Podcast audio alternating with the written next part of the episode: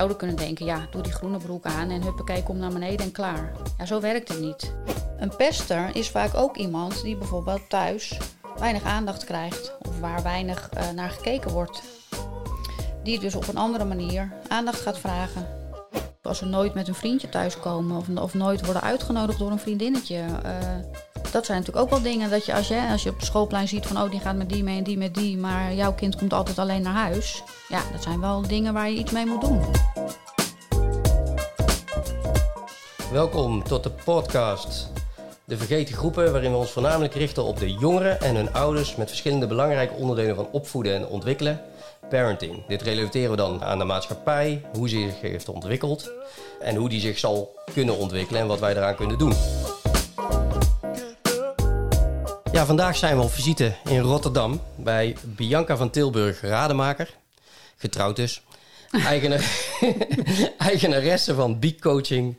Uh, ja, je werkt vooral vanuit huis. Klopt. Ja, uh, dankjewel dat we, dat we hier mogen zijn. Ja, jij bedankt voor, uh, voor de uitnodiging en uh, voor het attent maken van jullie bestaan. Ja, dankjewel. Ja, ja, ja ik begin altijd een beetje om, om een beetje een duidelijk beeld te krijgen van de persoon zelf. Ja. Dus ja, wie is eigenlijk Bianca en hoe ben je dit zo begonnen allemaal? Uh, wie is Bianca? Bianca is een, uh, een, lief klein meisje wat een beetje houdt van uh, plagen en uitdagen af en toe. die het beste voor heeft met de mensen, graag mensen helpt waar dat kan. een raar gevoel voor humor heeft, tenminste dat hoor ik wel eens vaker terug. Dus misschien kom je dat in dit gesprek ook wel tegen, weet ik, ik niet. Ik ben benieuwd.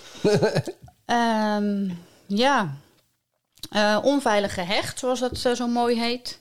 Dat wil zeggen dat uh, vader een beetje onbetrouwbaar was. Uh, moeder wel heel zorgzaam en lief. En gelukkig zijn ze gescheiden.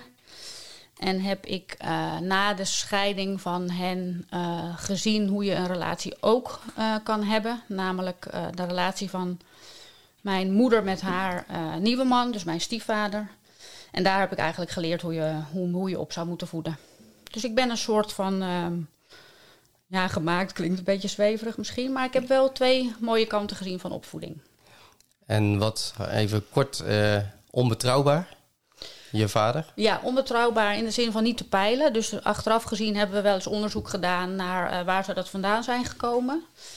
Um, het kan zijn dat hij autistisch is geweest of borderline had of iets. Maar hij was in ieder geval heel bezitterig, heel jaloers. Ook vooral naar mijn moeder toe en die relatie. En uh, moeilijk te peilen qua stemming. Later heb ik ook wel begrepen dat er een uh, gedeelte alcohol uh, een rol heeft gespeeld. Maar daar was ik nog vrij jong van, voor om dat echt te merken. Dus het was thuiskomen uit school, stemming peilen.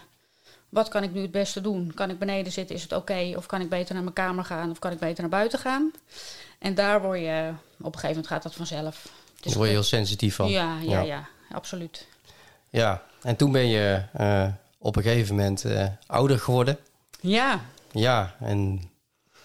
Ik ben ouder geworden. Ja, bedoel je ouder in de zin van kinderen gekregen? Of ja, kinderen gekregen. Ja, ja, wat heb je, waardoor, waarvoor, waardoor ben je beak coaching begonnen en hoe, uh, hoe ben je er naartoe gegroeid? Ik ben beak coaching begonnen omdat ik in mijn loopbaan bij een commercieel bedrijf erachter kwam dat we heel erg aan het sturen waren op omzet, geld, um, maandomzet, dat soort zaken. En ik was leidinggevende geworden van een aantal uh, dames, wat ook best een uitdaging is trouwens. En ik dacht, wacht eens even, er speelt hier zoveel bij die mensen zelf. Uh, ik leidde een werkoverleg en ik hoorde daarna uh, dertig andere verhalen terug. Dat ik dacht, ja, maar dat hebben we toch niet besproken. En toen ben ik me eigenlijk gaan realiseren van... hé, hey, het komt wat ik zeg, komt dus bij andere mensen heel anders binnen. Ja. En hoe kan dat dan? Ligt dat dan aan hun achtergrond? Of ligt dat aan wat ik vertel? Of hebben we niet dezelfde interesses? En toen ben ik eigenlijk een beetje me gaan verdiepen in, uh, ja, wat is er nou eigenlijk met die mensen aan de hand? Dus meer naar het persoonlijke vlak gegaan. En uh, ik ben toen verhuisd naar Rotterdam, want daar heb ik uh, de man van mijn leven ontmoet. Dus ik moest van Amsterdam naar Rotterdam verhuizen. Dat kon niet anders. En dat betekende ook reizen naar mijn werk toen. Van Amsterdam naar Rotterdam. Ja. Er kwamen twee kleine kinderen aan. Tenminste, er kwamen kinderen en die waren nog klein. En dat heeft samen allemaal geresulteerd in een burn-out. En een burn-out zie ik altijd wel. Ik zie trouwens alles wel wat er gebeurt. Uh, zal met een reden gebeuren. En wat kan ik hier dan uithalen? Wat kan ik hieruit leren? Dus in de burn-out ben ik echt gaan zoeken naar hoe ben ik hier gekomen. Maar vooral ook, hoe kom ik hier weer uit? ja, dat is heel, ook wel belangrijk. Ja. Dus dan ga je zoeken. Ja, nou ja, Ja. eh, eh, je komt bij een burn-out coach terecht. En eh, ja, die geeft je zo ontzettend veel inzicht in, nou ja, met name jezelf. hoe je in dat leven bent gekomen, wat je leidt. Of het nog wel bij je past. Je gaat loopbaanbegeleiding doen. nou ja, van alles en nog wat. En toen dacht ik, ja, nou hier moet ik in ieder geval weg. Dus dat is dan stap 1. Maar eigenlijk, dus je weet wat je niet wil, maar je weet ook eigenlijk niet wat je wel wil. Toen heb ik een ontzettend leuk traject gedaan bij eh, Tapas eh, City. De Tapas staat voor talent en passie. En daar heb ik het inzicht gekregen dat hetgeen waar je goed in bent, hoeft niet hetgeen te zijn waar je energie van krijgt. En daarvan dacht ik wel, oh, wacht eens even. Dus ik ben inderdaad wel aan het doen waar ik goed in ben. Ik word ook beloond door complimenten, door salaris enzovoort. Maar ik haal er helemaal geen energie uit. Dus dat was, ja, dat was het eerste wat ik, eh, wat ik ontdekte. Interessant. Ja, en daarna ga je dan zoeken, ja, wat past dan wel bij jou?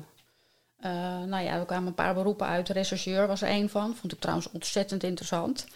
Maar betekent wel dat je dan gewoon de straat op moet als agent en dat soort dingen. Nou, dat zag ik dan maar niet zo zitten. Eh, nou ja, leerkracht eh, vond ik, vind ik ook heel erg leuk. Maar ik heb nogal een probleem met geluid. Dus ik zag mij niet zozeer Oh, met een klas van 30 kinderen. Precies. Ja, ja, Dus, het, dus het individuele begeleiden van kinderen en ouders vind ik echt geweldig. ja. Maar een hele klas gaat dan weer een brug te ver. En toen kwamen we bij coaching uit. Toen dacht ik, ja, dat is leuk. En je bent dan natuurlijk zelf geholpen door een coach. Dus je weet wat het kan doen ja. en hoe je geholpen wordt. Dus dat sprak heel erg aan. Toen ben ik een opleiding gaan doen om volwassenen te coachen. Eigenlijk heel breed. En toen voelde ik wel van, ja, dit is het wel. En als ik dan met mensen sprak of als ik een cliënt had waar we dan mee moesten oefenen, dan liep het allemaal goed. Dus ik denk, nou, ik, ik zit in de goede richting, maar ik voelde ook, het is nog, het is nog niet helemaal. Dus ja, dan ga je toch verder lezen, kijken, eh, nou ja, zoeken, internet gelukkig. Ehm. en toen kwam ik uit bij een opleiding tot kindercoach. En eh, zelf ben je dan natuurlijk nog relatief eh, jonge ouders. Dus je bent zelf ook nog aan het leren.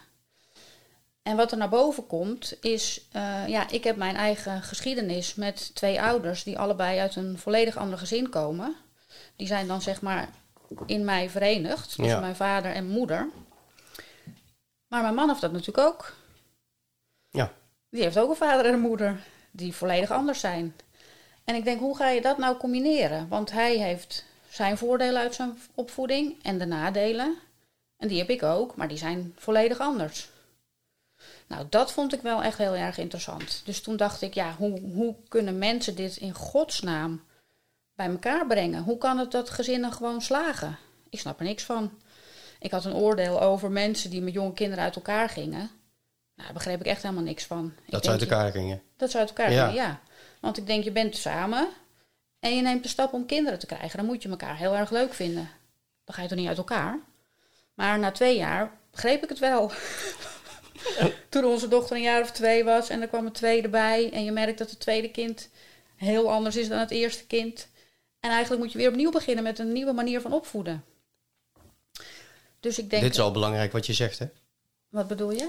Dat je opnieuw moet beginnen met een andere manier van opvoeden. Ja, Ja, maar dat is bewustzijn over opvoeden. ja. Ja, Dus wij hadden een dochter, en eh, dat hoor ik heel vaak hoor. Dat eerste kind is heel makkelijk. En als je zegt niet doen, dan doet het kind het ook niet. Dus blijf hier vanaf of blijf even rustig zitten. Nou, dat gebeurde gewoon. En dan komt de tweede en dan zeg je niet doen. En die kijkt je aan met een blik van, eh, nou, dat bepaal ik zelf wel hoor. Dus dan kom je er eigenlijk achter, hé, hey, wat we bij de eerste deden, ja. dat bl- werkte blijkbaar. bij de tweede niet zo. Nee. Ik niet. En het is dat we, nou ja, ik, ja, dat je, dat gelukkig zijn, mijn man en ik altijd, blijven altijd wel met elkaar in gesprek, dus dat scheelt. Ik denk, er zijn ook niet veel stellen die dat doen. En dan eh, ja, ga je toch bespreken van, nou god, misschien moeten we toch vanaf een andere kant even aanvliegen. Want, Ja. eh, nou ja, zoals het bij de eerste ging, gaat het bij de tweede in ieder geval niet. Ja, zo. En toen kwam je langsbrand bij Beak Coaching. En toen kwam ik dus inderdaad bij, nou ja, voor jezelf beginnen, eh, eh, weg bij de bij, eh, nou ja, loondienst. En toen viel het kwartje wel met kinderen, gezinnen enzovoort. En toen ben ik nou ja, begonnen met het begeleiden van kinderen. En eigenlijk kwamen daar heel snel de ouders bij.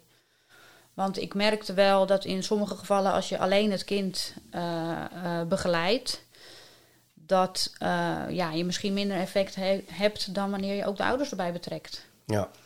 Dus voor mij is een coachtraject echt geslaagd als ik de ouders zover krijg dat zij ook inzicht eh, krijgen in hun eigen rol en in hun eigen manier van opvoeden.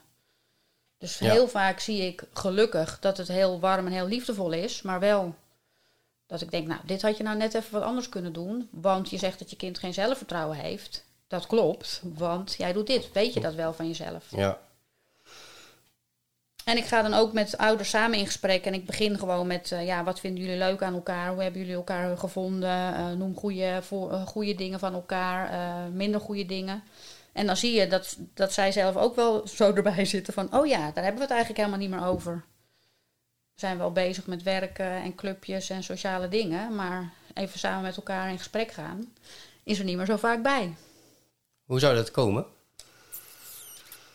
Ehm, ik denk, ja, de, de maatschappij op zich en eh, de schuld ervan geven is misschien iets te makkelijk. Maar ik denk wel dat we allemaal eh, bepaalde doelen hebben die we na willen streven. Dus we vinden het allemaal heel normaal dat allebei de ouders werken. Ehm, dat er naar bepaalde clubjes wordt gegaan. Ehm, dat je nou ja, een mobiele telefoon hebt waar je vaak op zit. Eh, je, wil dingen, je wil bijblijven, je wil geen dingen missen. Dus we maken het voor onszelf wel heel erg moeilijk. Ja. Dat klopt. En eh, ja, om dan tijd te nemen om met je kind te praten, vind ik dan ook wel, of met elkaar te praten, maar ook met je kind. Dat schiet er dan blijkbaar bij in. Terwijl dat toch het meest essentiële is. Ja, lijkt mij wel. Maar het lijkt me ook wel redelijk lastig als je kind natuurlijk eh, bijvoorbeeld op paardrijles zit. Daarna moet hij voetballen. Ja, eh, of ze. Ja, En daarna of hockeyen of wat dan ook. Maar als je vijf dingen op, eh, in de week moet doen. ja, Want ja, ondertussen als je hockeyt, dan moet je ook twee keer trainen. ja. En dan moet je ook nog een keer dat. En dan ook nog. Dan, dan wordt het wel redelijk lastig om er ook tijd aan te besteden. Maar van wie Ja. moet dat dan? Van wie moeten ze dan een paard rijden? Ja, ik denk dat de ouders in principe moeten de- van de ouders, alleen de ouders, die hebben weer te maken met de maatschappij, die ook bepaalde dingen verwacht van, eh, omdat ze dat bij andere ouders weer zien. Ja, precies. En, ja. en, en zo draaien we door. ja, Ja, dus we maken, we maken het elkaar best wel moeilijk. behoorlijk, ja. Want eh, zit hij van jou niet op eh gym of zit hij van jou niet op voetbal? Of, maar wat doet hij dan? Ja. Ik denk nou, eh, gewoon buiten spelen. Ja, ja, ja, klopt. Ja, Sandra kan zo goed hockeyen. Ja, ja, en, en jou, een kind? Ja, ja. Ja. nee, zo krijg je het al snel. Ja, we hadden hier in de, dat is ook wel een leuk voorbeeld, een, in, de, in de straat een uitnodiging voor Halloween. En onze kinderen waren toen echt nog vrij jong. En Halloween is natuurlijk leuk om langs de deuren te gaan als het een beetje donker is. Maar ja, dat is in oktober. Dus dan moet je wel even wachten. Hè. eh. En toen zei ik, nou, leuke, leuke, ja, leuke uitnodiging, maar wij, eh, wij doen niet mee. Ja, waarom niet? Ik zeg, nou, het is te laat. Te laat? Ik zeg, ja, onze kinderen liggen dan al in bed. Oh, maar hoe doe je dat dan met clubjes en zo? Ik zei, nou, daar zitten ze nog niet op. Dat komt later wel.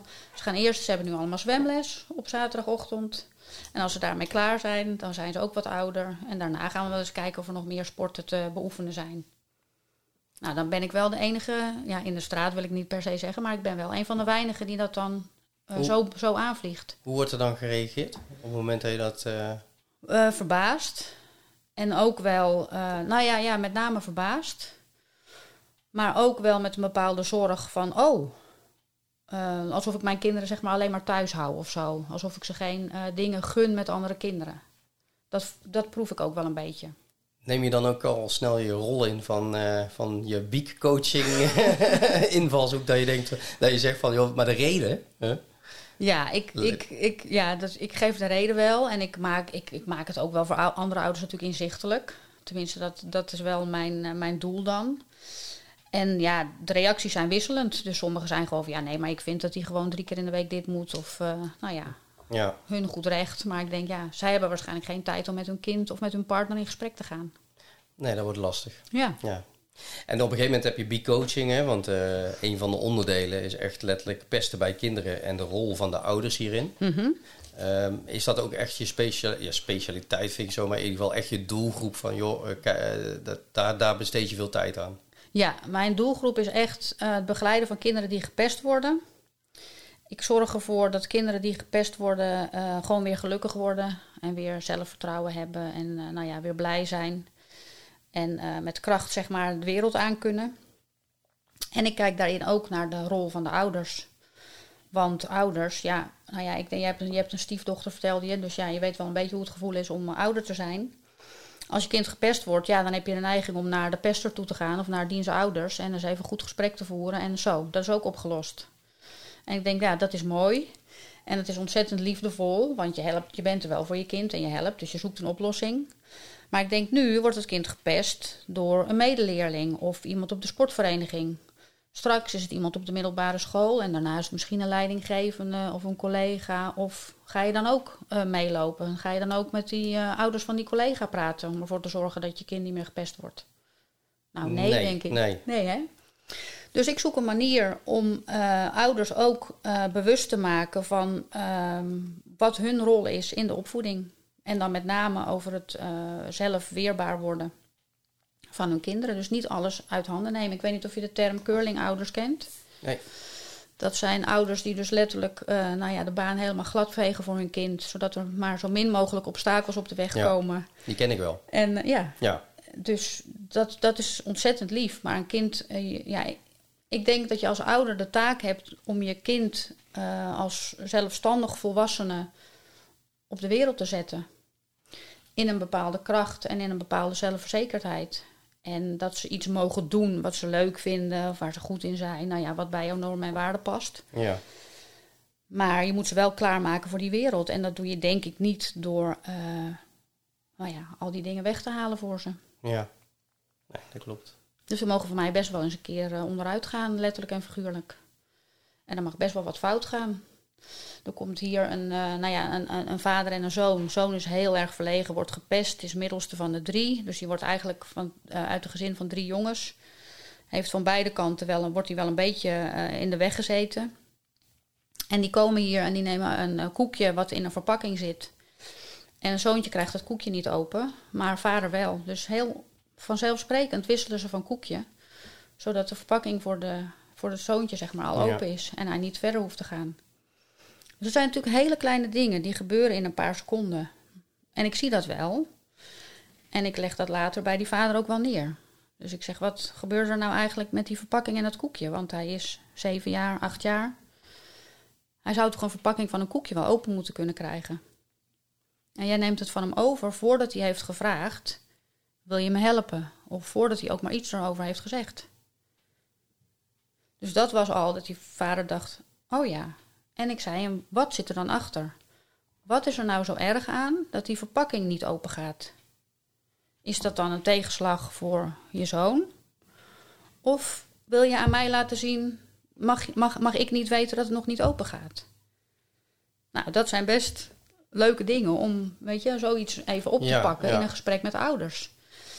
En dan moet je het ook niet te groot maken natuurlijk. Maar het zijn wel signalen waar, die ik dan oppik en waarvan ik denk, kijk, dit doe jij dus.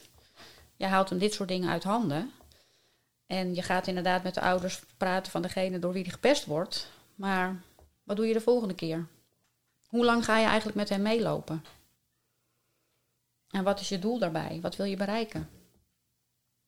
Nou ja, dat een beetje.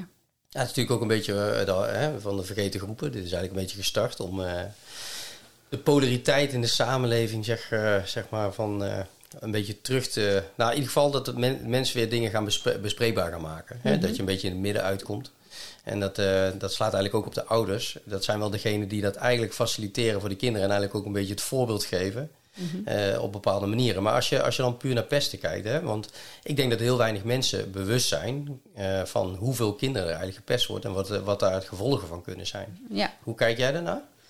Eh, heel veel eh, pestgevallen vinden ongezien plaats. Dus heel veel dingen heeft een leerkracht niet door en een ouder ook niet en een intern begeleider ook niet. Kinderen kunnen dat heel goed verbloemen. Kinderen willen heel graag gewoon bij de groep horen. Dus als ze daar buiten vallen, is dat niet iets waar ze heel makkelijk over gaan praten. Eh, rechtstreeks aan een kind vragen: word je gepest? komt veel te direct over en wordt veel te groot. Een kind overziet dat helemaal niet. Die vindt pesten al misschien heel erg.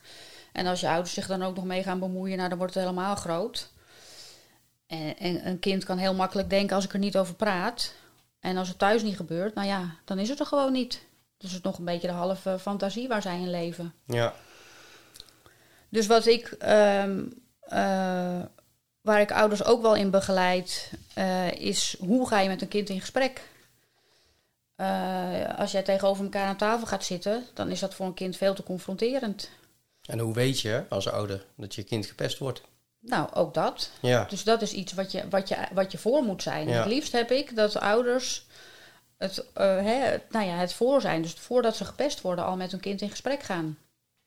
En dat doe je op momenten waarvan, waarvan ik, waarbij het jou niet uitkomt. Dus jij staat aardappels te schillen. Ik weet niet of je dat wel eens doet, Stijn, maar stel je voor. nee, ik eet eh, zo min mogelijk koolhydraten. Oké, nou Bianca? goed. Nee.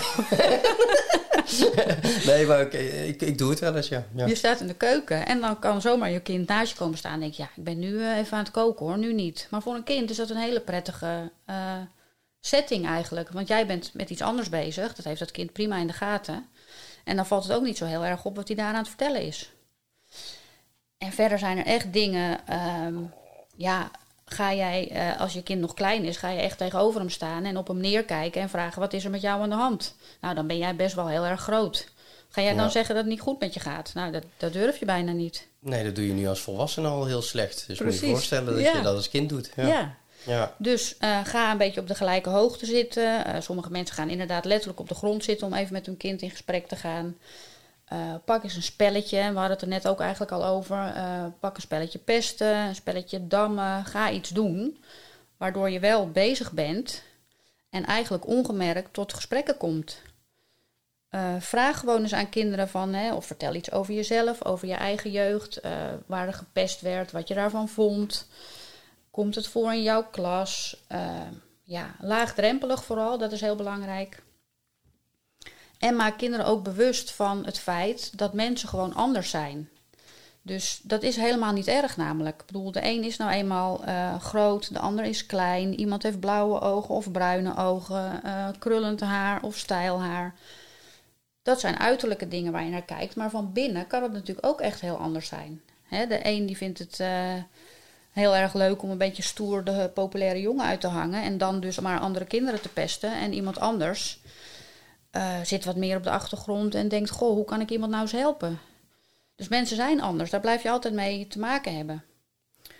Als jij daar als ouder gewoon over spreekt zonder een oordeel te vellen, dan helpt dat natuurlijk best wel. Want dan durf je als kind ook wel aan je ouders te vertellen dat je iemand misschien niet zo aardig vindt omdat. Of ga erover in gesprek. Probeer altijd naar de goede kanten ook te kijken van het gedrag wat iemand doet. ja. Of het gedrag wat iemand heeft. Dus een pester heeft ook zijn eh, reden om te pesten. Het komt ook voor dat kinderen die pesten vroeger zelf gepest zijn. En dat natuurlijk nooit weer meer willen meemaken. En dan dus maar de pester gaan uithangen. Want ja, dat is makkelijk. Dan ben jij ook stoer, dan ben jij in ieder geval daarvan af. Dus dat besef van, oh god, nu ga ik iets, iemand anders iets aan wat ik ook heb meegemaakt, is er op dat moment niet. Nou, dan heb je de eh, verschillende rollen bij, eh, bij pesten. En hè. die Dus- vind ik interessant, ja. Ja? ja. dus je, eh, nou, ten eerste is het natuurlijk het slachtoffer. Dat is, dat is degene waar ik me met name op stort. ja. Ehm, ik ik begeleid kinderen één op één om dus meer ja, zelfvertrouwen te krijgen, meer kracht, echt rechtop te gaan staan in plaats van een beetje voorovergebogen. Zelfvertrouwen uit te stralen. Dat, dat kun je met verschillende coachoefeningen doen die echt perfect eh, bij kinderen eh, werken. Zou je dat ook als ouder gewoon thuis eh, bepaalde oefeningen kunnen doen? Ja, er zijn wel dingen die je als ouder kunt doen. Hele specifieke coachoefeningen denk ik dat je die, daar moet je wel echt wat begeleiding bij hebben. Daar Dus heb je expertise voor nodig. Precies, Ja, dus ja. die zou ik echt wel bij een coach of bij een psycholoog laten. Maar er zijn zeker wel tips en kleine dingen die je als ouder op kan pakken. Eh, dat is ook eigenlijk een beetje de manier waarop ik mijn coaching opbouw. Ik begin heel vaak met eh, praktische oplossingen zoeken voor hetgeen wat thuis speelt. Eh, we hebben het ook een beetje gehad over hoogsensitiviteiten en pesten. Dat komt vaak ook samen voor trouwens. En dan merk je dat kinderen die hoogsensitief zijn, bijvoorbeeld met het ochtendritueel, helemaal uit hun dak kunnen gaan. Want die willen een bepaalde broek aan, maar die is er niet. Die ligt namelijk in de was. En ze willen dit aan of ze willen dat niet en ze willen enzovoort. En daar krijgen kinderen ontzettend veel stress van. Wij als ouder kunnen denken, ja, doe die groene broek aan en huppakee, kom naar beneden en klaar. Ja, zo werkt het niet. Wat ik dan doe, is bij de ouders gewoon weghalen wat er dwars zit. Dus blijkbaar is de kledingkeuze of het moment of de tijdsuur die ervoor is, is een probleem. Leg s'avonds twee setjes kleding klaar. Waar die kinderen gewoon uit kunnen kiezen. Of ze het shirt en die broek nou wel wisselen of niet, maakt niet uit. Dit zijn de twee mogelijkheden die je hebt. Punt. De kast blijft dicht. Veel te veel indrukken. Nou, het is een, uh, een, een, voorbeeld waarvan ik denk, ja, dat kan je, kunnen ouders toch zelf ook wel bedenken. Maar ja, vaak speelt er zoveel dat ze daar niet op komen. Nou, dan, dan als ze dat doen en ze leggen inderdaad dat setje met die twee setjes neer, dan komen ze erachter dat het veel rustiger gaat. En dat het kind dus ook rustiger aan de ontbijttafel zit. En dan gebeurt er eigenlijk meteen iets van, oh.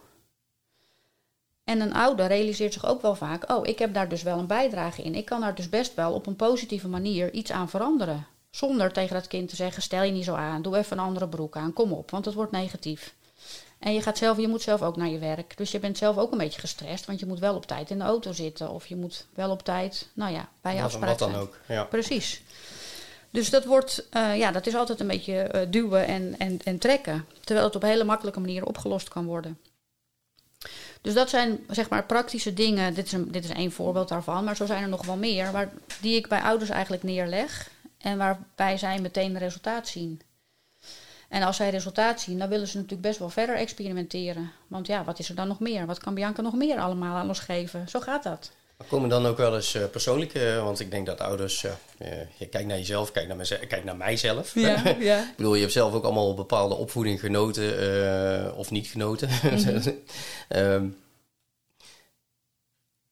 kom je ook vaak dingen tegen, denk ik, waar ouders mee mee lopen, waardoor ze juist misschien die ruimte niet bieden aan hun kinderen. Absoluut, absoluut. Want als ouder neem je allebei eigenlijk, ja, je neemt je, je eigen opvoeding mee en de voor- en de nadelen. En misschien had jouw vader een aanpak die heel goed bij je past, of juist helemaal niet. Dat neem je allemaal mee. En dat betekent ook dat je uh, in het geval dat een kind bijvoorbeeld gepest wordt, of jij bent vroeger zelf gepest, dat jij altijd weer teruggaat naar de situatie van jouzelf van vroeger. Ja. Dus als kind heb jij bepaalde dingen ervaren die jij niet prettig vond. En als je ziet dat het kind nu, dat jouw kind dat nu ook gaat meemaken, dan, dan spring je natuurlijk gelijk in de bres. Want dat wil, dat wil je natuurlijk Nee. helemaal niet. Wat je eigenlijk vergeet, is dat dat kind nu in een hele andere situatie zit dan jij vroeger. Jouw kind is niet 100% jij. Dus die heeft ook nog een andere kant bij zich. En reageert op zo'n situatie misschien wel heel anders dan jij vroeger. Dus dat is belangrijk om uh, altijd in je achterhoofd te houden. Hè. Is het de situatie van, van nu en van jouw kind? Of is het iets wat jij uit jouw jeugd meedraagt en wat jij, waardoor jij weer teruggebracht wordt eigenlijk naar vroeger? En dat is natuurlijk wel wat er met curlingouders gebeurt dan. Die willen dat hun kind allemaal ontnemen. Terwijl ik wel eens denk, nou, misschien uh, kan Pietje daar wel Dus ook- gewoon alleen doorheen. Dat is ook wel een extreme vorm natuurlijk, curlingouders. Maar je hebt ook tussenvormen. Maar Nee, ik ben heel zwart-wit. Ja. Grijs, grijs eh, bestaat voor mij niet, eh, Stijn. Dus, eh, nee, nee, nee. nee. Nou, ik ben het trouwens niet mee eens. Maar Nee, nee, nee. ik bedoel, Maar daar Nee. hebben we het vast nog over, ja. Ja, ja, ja, precies. Nee, ehm, kijk, je hebt een. Ik zei al, je hebt een fantastisch e-book geschreven. Ehm, ik vind het eigenlijk, eh, wat ik al benoemde, van eh, eigenlijk is het ook een soort lesstof. Hè? Mhm. Ehm, waar wij, ehm, ik zeg, ja, normaal gesproken, ik heb al een aantal e-boeken gelezen. En normaal gesproken zijn ze drie pagina's, maar deze is 22. ja. Nee, maar eh, wat, wat, wat ik het mooie vind van heel dit eh, e-book, en daar kunnen we helemaal doorheen lopen, maar het lijkt me veel nuttiger dat mensen dat een keer downloaden, als ouder zijnde vooral. Omdat ehm, het gaat hier niet alleen maar over pesten, het gaat hier ook over communicatie, hoe je met je kinderen praat. En dat je bewust wordt van, joh, ja oké, maar ik ga er al van uit dat, eh, dat dat zo is qua communicatie, terwijl je kind helemaal iets anders bedoelt. En dat je ook bepaalde communicatie kan gebruiken. Eh, waardoor je kind juist niet, niet meer antwoordt. En dat vind ik hier, wil ik hem, dat, wil ik, eh, dat, dat, dat las ik. En toen dacht ik bij mezelf, dit had ik eerder moeten lezen zelf, dan ten eerste. Ja, Ja. Even, hè. Maar hier, stel open vragen en specifieke vragen. Nou, dat, ja, op je werk leer je allemaal open vragen stellen, want dan krijg je een antwoord, et cetera. Maar de manier waarop dat hier staat, de manier waarop jij jouw vraag aan jouw kind stelt, kan veel uitmaken voor het slagen van het gesprek. Logisch. Stel daarom zo min mogelijk vragen die met ja of nee, of leuk en of stom beantwoord kunnen worden. Dat wordt dan minder logisch. Heel veel mensen nog steeds die dit zullen horen, denken van ja, de, maar dan gaat het om. Kun je het ook in het gesprek toepassen? Want ik kan nu wel heel makkelijk dit voorlezen. Dus, dus niet was het leuk op school. Of hoe was het op school? Maar wel, vertel eens wat je hebt gedaan, met de, met de gym vandaag hebt gedaan. Of wat was vandaag het leukste op school? Wat is nou de reden? Want ik, ik zie bijvoorbeeld, eerst ik de last van ja, ik zie eigenlijk weinig verschil. Maar wat, wat maakt het voor een kind wel uit? Want je, je, je vraagt specifiek iets over de gym. Of hoe was het op school, waardoor je krijgt stom of leuk. Maar als je specifiek vraagt over de gym, dan krijg je dus meer openbaring. Of hoe kan ik dat zien? Een kind, eh, als een kind zich er vanaf, mee af kan maken door ja en van nee te zeggen, is het natuurlijk heel makkelijk. Dan heb je geen gesprek. Want je kind komt thuis en die wil misschien gewoon op zijn tablet, ik weet niet, maar dan ben je er snel vanaf. Maar als je open vragen stelt, dan is het kind ook veel meer, eh, wordt het kind veel meer in de gelegenheid gesteld om ook iets meer te vertellen. Dus je komt niet weg met ja, nee of stom of leuk. Eh, een kind gaat dan kijken van ja, wat heb ik ook alweer met gym gedaan? Kinderen zijn ook heel goed vaak in ruimtelijke vragen. Hè? Dus meer van eh, eh, wat heb je daar gedaan? In plaats van te zeggen van wanneer heeft het plaatsgevonden? Dat kunnen, dat kunnen kinderen helemaal nog niet, niet plaatsen. Dus als jij een ruimtelijke vraag stelt en een open vraag stelt, zijn ze veel eerder geneigd om daar antwoord op te geven. En dus krijg jij misschien drie zinnen als antwoord in plaats van twee letters of drie Ja. letters. Is dat een beetje wat je bedoelde? Ja, dat bedoel ik wel. Nee, maar het is, kijk, wat ik het mooiste vond, het e-book, wat ik al zeg. Ik zeg van, ik vond het meer een bewustwordingsboek. En ook eigenlijk een soort essentiële toevoeging voor de school. En dat doelde ik net ook op van preventief. Hoe ga je preventief met je kinderen te werk? Ja, Ehm, ja, we kunnen gewoon niet ontkennen dat eh, waar we nu naartoe gaan, zeg maar, we zijn er heel snel. Je hebt twee, vaak heb je twee verdieners.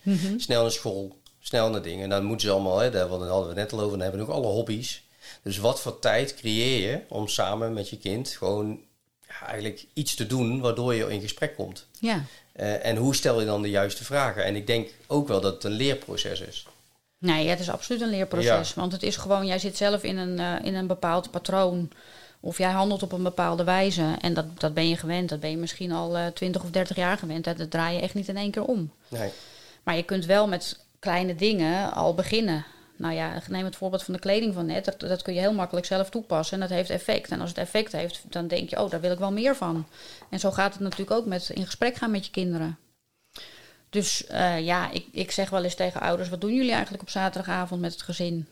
Nou, heel vaak eh, niet zoveel, want de een kijkt tv en de ander zit op zijn tablet en die is aan het gamen. En dan denk ik, ja, dan was toch de eh, zaterdagavond tv van vroeger, dat we allemaal met frisse gewassen haartjes bij de, op de tv konden zitten, hè, bij de tv zaten. En dat je toch met, je, met het hele gezin hetzelfde doet en dus over dezelfde dingen meemaakt en er even over praat, geeft toch wel een bepaalde verbinding. Ja.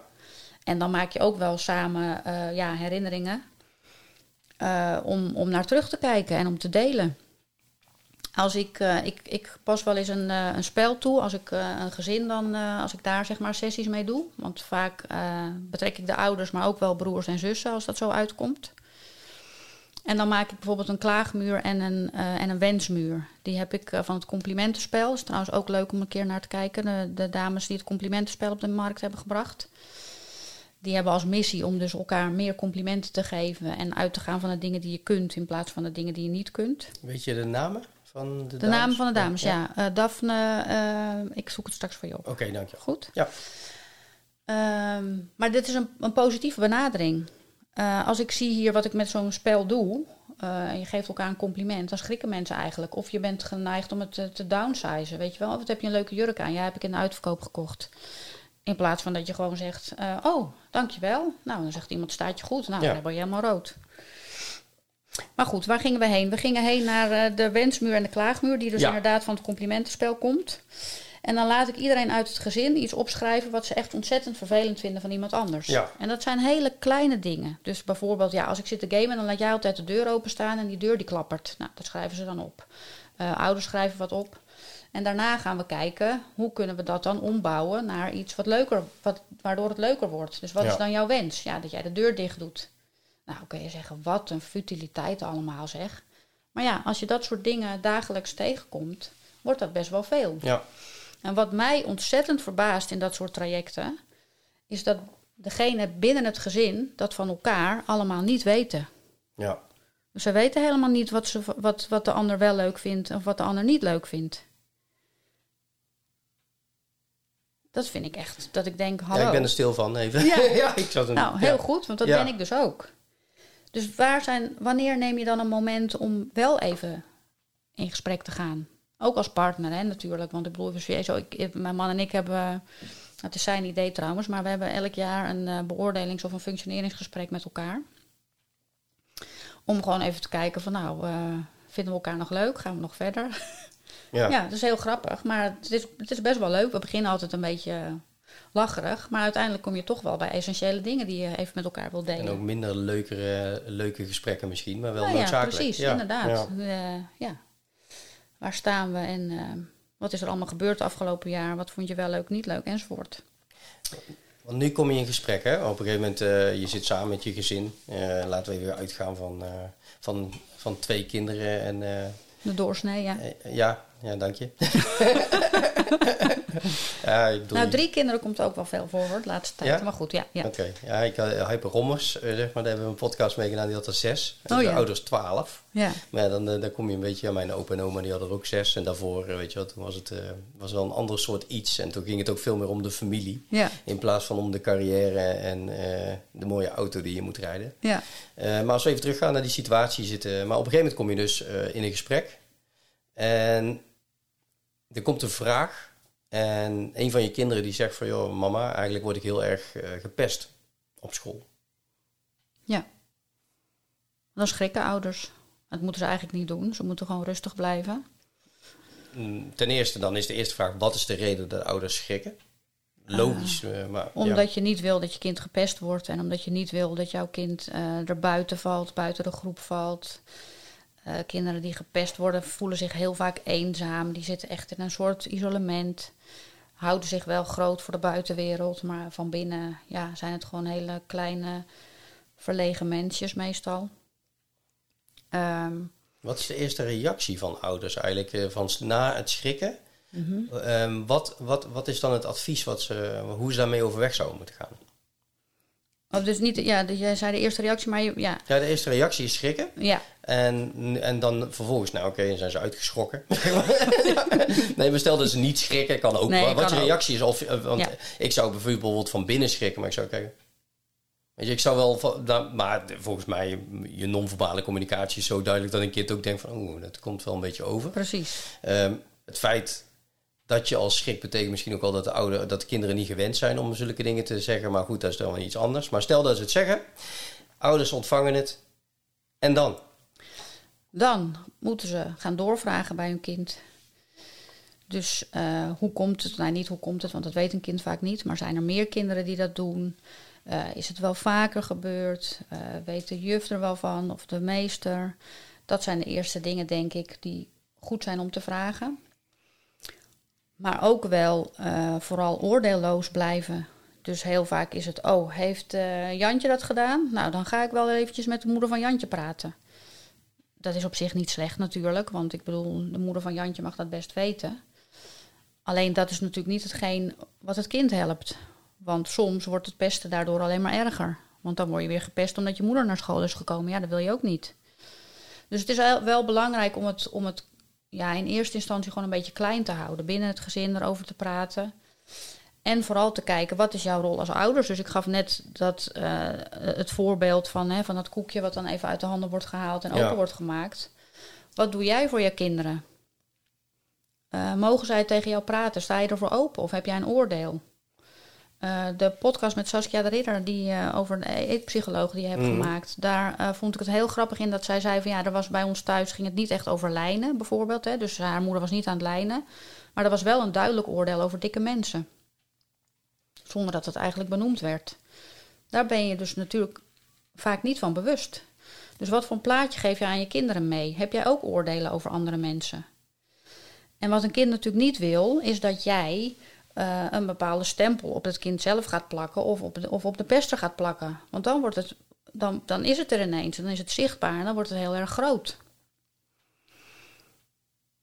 Ja, ik kijk even naar je zo van, is het een antwoord op, op je vraag? Of? Nee, ik vind eh, de, de reden is van hoe je dan als ouder, uh, wat, wat je heel erg duidelijk hoort en ook eigenlijk al sinds dat we aan het praten zijn, is dat uh, de essentie eigenlijk bij de ouder is de verantwoordelijkheid om ook naar jezelf te kijken. Ja.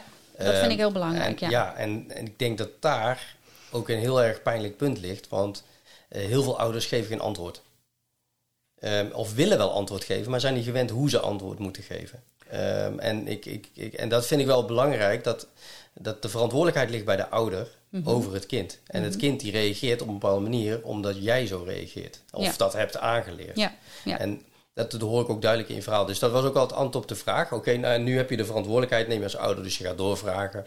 Nou, je hebt eh, de antwoorden, je weet ondertussen van, eh, ja, de leraar weet het niet. Mhm. Ehm, ze gaan naar school. Maar op een gegeven moment merken ze dus van, eh, ja, in groepsverband zie je dat het kind langzamerhand ook bepaalde symptomen vertoont. Mhm. Wat, de vraag komt eraan natuurlijk, dat weet je al. Hè? Wat zijn ongeveer de symptomen waaraan je kan zien dat een kind gepest zou kunnen worden? En dat kan dan, want nu weet je al iets, maar dat kan je misschien ook nog niet weten. Waar, waaraan kun je dat merken dat je als ouder eh, in het algemeen door moet vragen, maar waardoor je denkt van hé, hey, maar eh, stil. eh, het kan van alles zijn. Ja, kinderen kunnen eh, bijvoorbeeld buikpijn krijgen, met name als ze naar school moeten gaan. Eh, ze kunnen eh woede-uitbarstingen krijgen eh, of juist heel erg teruggetrokken. Eh, moeite met slapen, moeite met in slaap komen, enge dromen hebben. Ehm, ja, dat zijn dingen nou, waar, kijk, ik denk dat het lastig is om te zeggen van eh, een gepest kind voldoet hieraan. Maar het is wel belangrijk om je te realiseren als ouder dat je iets ziet veranderen in het gedrag van je kind. En dat moet wel een signaal zijn. En dat hoeft niet per se, dan hoeft het niet per se gepest te worden, maar dan is er misschien wel iets aan de hand op school wat aandacht nodig heeft. En ook dat soort dingen wil je als ouder natuurlijk gewoon naar boven halen. Dus als het gedrag van jouw kind verandert, dan moet je daar als ouder wel iets mee doen. En ik denk dat het makkelijkste is om dan als ouder in gesprek te gaan Ja. met je kind. Ja. En die, eh, jij noemde inderdaad het e-book eh, net. Nou, daar staan echt wel een paar tips in eh, over hoe je dat zou kunnen doen. En ook vooral hoe je het moet doen. om de informatie eruit te halen die je, die je naar boven wil halen. Ehm, ja. Dus er zijn wel dingen, ja, andere signalen zijn natuurlijk als ze nooit met een vriendje thuiskomen of, of nooit worden uitgenodigd door een vriendinnetje. Ja. dat zijn natuurlijk ook wel dingen dat je als, je als je op schoolplein ziet van oh die gaat met die mee en die met die, maar jouw kind komt altijd alleen naar huis. Ja, dat zijn wel dingen waar je iets mee moet doen. Ja. Dan kom je niet mee weg door te denken van oh die vindt het fijn om alleen te zijn, het zal wel goed zijn. Nee, dan moet je als ouder gewoon eh, wel even gaan handelen. En nu draai je hem even om. Hè. Nu op een gegeven moment, eh, nou, eh, Pietje wordt gepest. Ja, Ouders die weten het, doen al die stappen op de juiste manier. Gaan even uit van het positieve. Ja. Ehm, nou, ik kan zo iemand opnoemen waar ik een verhaal dat eh, die is gelijk naar school gestormd en die is gelijk naar die ouder toe gegaan op de andere manier, maar allebei de kanten. ja, Eh, maar nu weet je dus, eh, Pietje, de, de, ehm, de vader van Pietje, die gaat naar school toe. maar die gaat dus rechtstreeks naar die ouders toe. ja, Ehm, of het gaat via de, de leraar. Dus de leraar die neemt dat op. en vervolgens weet je als ouder dat jouw kind de dader is. Mhm. Je gaat nu uit van de pester, ja? Ja, want ik, eh, hè, je hebt de, de rollen, je hebt de, de pester, dan heb je degene die het aanmoedigt. Ja. Eh, dan heb je de groep, eh, groepsverband natuurlijk. Ja, Hè. ja. Heb ik in het verleden ook een keer meegemaakt dat ik niet aan, ik pest een beetje mee, maar op een gegeven moment wist ik dat het niet goed was. Ben ik daarmee gestopt. Heb ik mezelf weer teruggetrokken. Eh, maar je bent wel een onderdeel van geweest. Ja, maar je trekt je terug. Maar achteraf gezien zou ik, en dat, dat, dat vind ik dus ook, dat is de reden waarom van deze vraag ook. Wat zou je als ouder kunnen doen Ehm, op het moment dat je weet dat jouw kind of de dader is of een rol speelt waardoor een kind gepest wordt. Ja. Wat zou je, hoe zou je daarmee eh, overweg kunnen? Wat zou je advies zijn? Los van eh, in gesprek gaan, hè, want dat is voor mij stap één. Ja, daarnaast eh, het kind ook wel bewust maken van, van zijn aandeel. Dat, dat kan ook voor beide kinderen zijn. Dus het gepeste kind heeft ook zelf een aandeel. Dat klinkt heel erg hard, maar er is een reden waarom het gepest wordt. Dus eh, ja, jij moet op een andere manier jezelf eh, profileren. Dat scheelt al een hoop. Een pester is vaak ook iemand die bijvoorbeeld thuis weinig aandacht krijgt of waar weinig eh, naar gekeken wordt. Die dus op een andere manier aandacht gaat vragen. En dat kan door pesten, want dan heb je, krijg je aanzien. En dan krijg je een assistent en je krijgt meelopers. Nou ja, het hele rijtje staat er wel in. En je hebt de dader, de assistent, de meeloper. ja het is heel eh, ja, goed, en dan duidelijk. inderdaad eh, ja, de buitenstaanders die ook een rol hebben, want die staan het gewoon allemaal toe. Eh, ja, waarom heeft die pester zoveel aandacht nodig? Waarom vindt hij het leuk dat mensen met hem meelopen? Dat zijn dingen die je moet onderzoeken. En die, ik, ik vind dus ook dat een, een pester ook geholpen moet worden. Ja. Een meeloper moet eigenlijk ook geholpen worden. Er zijn ook heel veel kinderen. Jij gaf het net zelf aan. Hè? Je hebt een tijdje meegelopen in zo'n groep. Die groepsdruk Ja, is best wel ja. groot. En als kind wil je gewoon bij een groep horen. En ook als dat dus soms nadelige gevolgen heeft voor iemand anders. Maar er is ook een moment geweest dat je dacht van ja, dit is eigenlijk niet oké. Ja, Niet, niet iedereen heeft dat besef en niet iedereen durft er dan wat mee te doen. Dus je zou best wel voor een kind op willen komen wat gepest wordt, maar je weet niet hoe. Ook eh, ja, reden om naar een coach te gaan, zou ik zeggen. Maar ook inderdaad, ga- wat, is je, wat is je aandeel? Wat is de reden? Nee, Waarom doe je dit? Nee, omdat al snel de dader of eh, die, die, die wordt al snel aangewezen van jij bent fout. Ja, Eh, alleen, het is eigenlijk ook wel heel zielig. En nou kom Ja. je ook een beetje ehm, even snel een, een, een koppeling naar de school. Ehm, je vertelde van tevoren dat je ook wel eens... je hebt mij ook een mooi kistje gegeven met als het ware een soort... eh, een puzzel, noem ik het maar even. ja die bocht. tanggrampuzzel, ja. Ja, en eigenlijk is dat gebaseerd op je logo. Ja. Die bestaat uit verschillende delen. Ja. Ehm, dat heeft ook een bepaalde betekenis. Kun je ook op je website eh, zien, beakcoaching.nl. Ja, Ehm, en je gaat ook vaak naar scholen eh, om dat aan te bieden. ja, van, joh, ik kan iets voor jullie betekenen. Ja. Ehm, als je het laatste stukje wil ontvangen, dan, dan, dan, dan hoor ik het graag. ja. Ik geef een incomplete puzzel, ja. Ja, en dan kom je al gelijk in de koppeling zeg maar, van de rol van de school. Mhm. Ehm, ik heb daar in de, eh, in de podcast eh, met Ma- Marie-Lis van EQ Fit, eh, ging het daar ook over. Ehm, het preventief werken van scholen, want Ja. het is reactief. Ja, Ik heb zelf ook al een keer verteld van de Gouden Uil, eh, waar de coach, eh, waar ik dan als het ware contact zocht met een, eh, met een school. Omdat ik, ik was bezig met een traject en ik, ik dacht van nou, weet je wel, ik wil wel in gesprek met een paar kinderen die gepest worden of die probleemkinderen zijn, et cetera. Dat was niet helemaal in mijn richting, maar dat doet er niet toe. Maar dan kom je al heel snel kom je in de structuur van de school terecht van ja, hier is het blaadje. En als ze problemen hebben, dan gaan ze naar de coördinator. En Ja. als er dan echt problemen zijn, dan gaan ze naar jeugdzorg als, zij de- als ze echt problemen hebben. Waardoor je eigenlijk al niet meer preventief kan werken. nee. Ehm, maar nu hadden we het net over de dader. En dan hebben we het geen over gepest worden. Ja. Ehm, ja, hoe zou je dat zien als je preventief werkt? Of wat doe je nu eigenlijk op het moment van preventief werken? Hoe ga je naar een school toe en als je daar een lezing kan geven of een les kan geven? Of ik maak het gelijk een lezing, maar het klinkt heel interessant. Ja. Maar, ja, ja, maar eh, ja, hoe gaat dat dan? eh, van, hoe reageert de school bij jou? En hoe ga je daarmee overweg? En hoe kom je een stap verder? Eh, de school heeft eh, vaak wel, eh, geeft aandacht aan pest. Ze hebben ook een, inderdaad een pestprotocol, een pestcoördinator is vaak wel aanwezig. En er zijn echt instanties die zich richten op het stoppen met pesten, het stoppen van pesten. Die kijken echt naar de hele groep. En dan betekent dus dat je binnen een klas gaat kijken, wat gebeurt hier nou eigenlijk? Welke rol heb jij? Want het gaat allemaal over rollen. De gepeste heeft een rol, de pester heeft een rol, de buitenstaander heeft een rol. Welke rol speel jij? Wat is het effect op de ander? Dus dan maak je gewoon, dan laat je alle kanten van het eh, aspect pesten laat je zien. En dat is heel goed, daar krijgen kinderen ook inzicht van. Dus dat is, ehm, vind ik eigenlijk ook wel preventief. Alleen je moet natuurlijk een voorbeeld hebben van iemand is al gepest. Of hè, je moet ergens een, eh, Mhm. een voorbeeld kunnen laten zien. Dat is wat veel instanties al doen. Als ik nu eh, bij scholen langs ga, dan. En zij kijken inderdaad ook naar mijn e-book. En zij zeggen ook van ja, goh, ik denk dat er best wel veel ouders zijn. die eigenlijk helemaal niet weten hoe ze in gesprek moeten gaan met hun kind. Dus dat vind ik ook preventief. En dan kun je dus een lezing geven voor ouders. Er zijn scholen die hebben bijvoorbeeld op dinsdagochtend tussen 10 en 12 zijn er inloop eh, eh, spreekuren zeg maar, voor de ouders. En daar worden dan lezingen gegeven, presentaties gehouden. Dus daar kun je als ouder gewoon naartoe. Ehm, ik moet nu aan een ander bruggetje denken, maar daar komen we straks wel op. Eh, er zijn ook leerkrachten die eh, zeggen: ja, maar in mijn klas wordt niemand gepest. Dat is niet waar. Er is een onderzoek gedaan en in elke groep waar, onder, nou ja, waar ze mensen, kinderen hebben bevraagd, wordt iemand gepest. En dat hoeft niet tot in, de, tot in een treuren helemaal in elkaar geslagen enzovoort te zijn. Dat kan ook wel gewoon een beetje gewoon verbaal.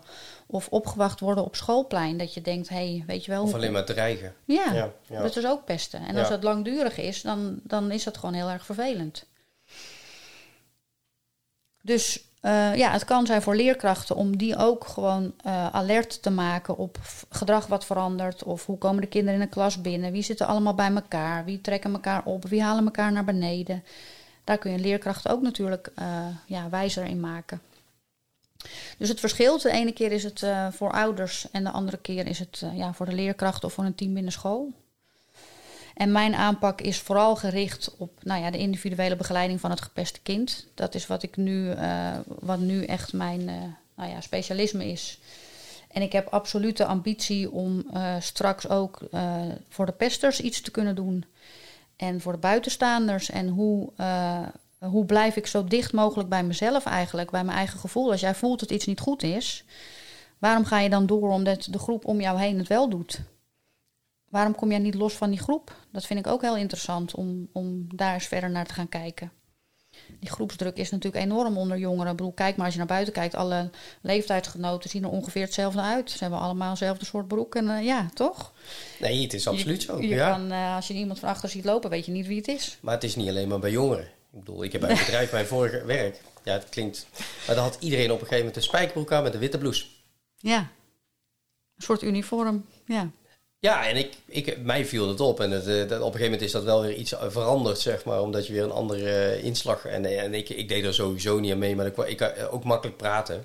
Want zij zat altijd op een kantoor en ik werkte van afstand. Ja. Maar dan zeg je, zag je ook al... Uh, zag je ook al groepsvorming, zeg maar, of een uh, uniform als het ware van, nou, hè, weet je wel, omdat iedereen zich dan veilig voelt. Ja.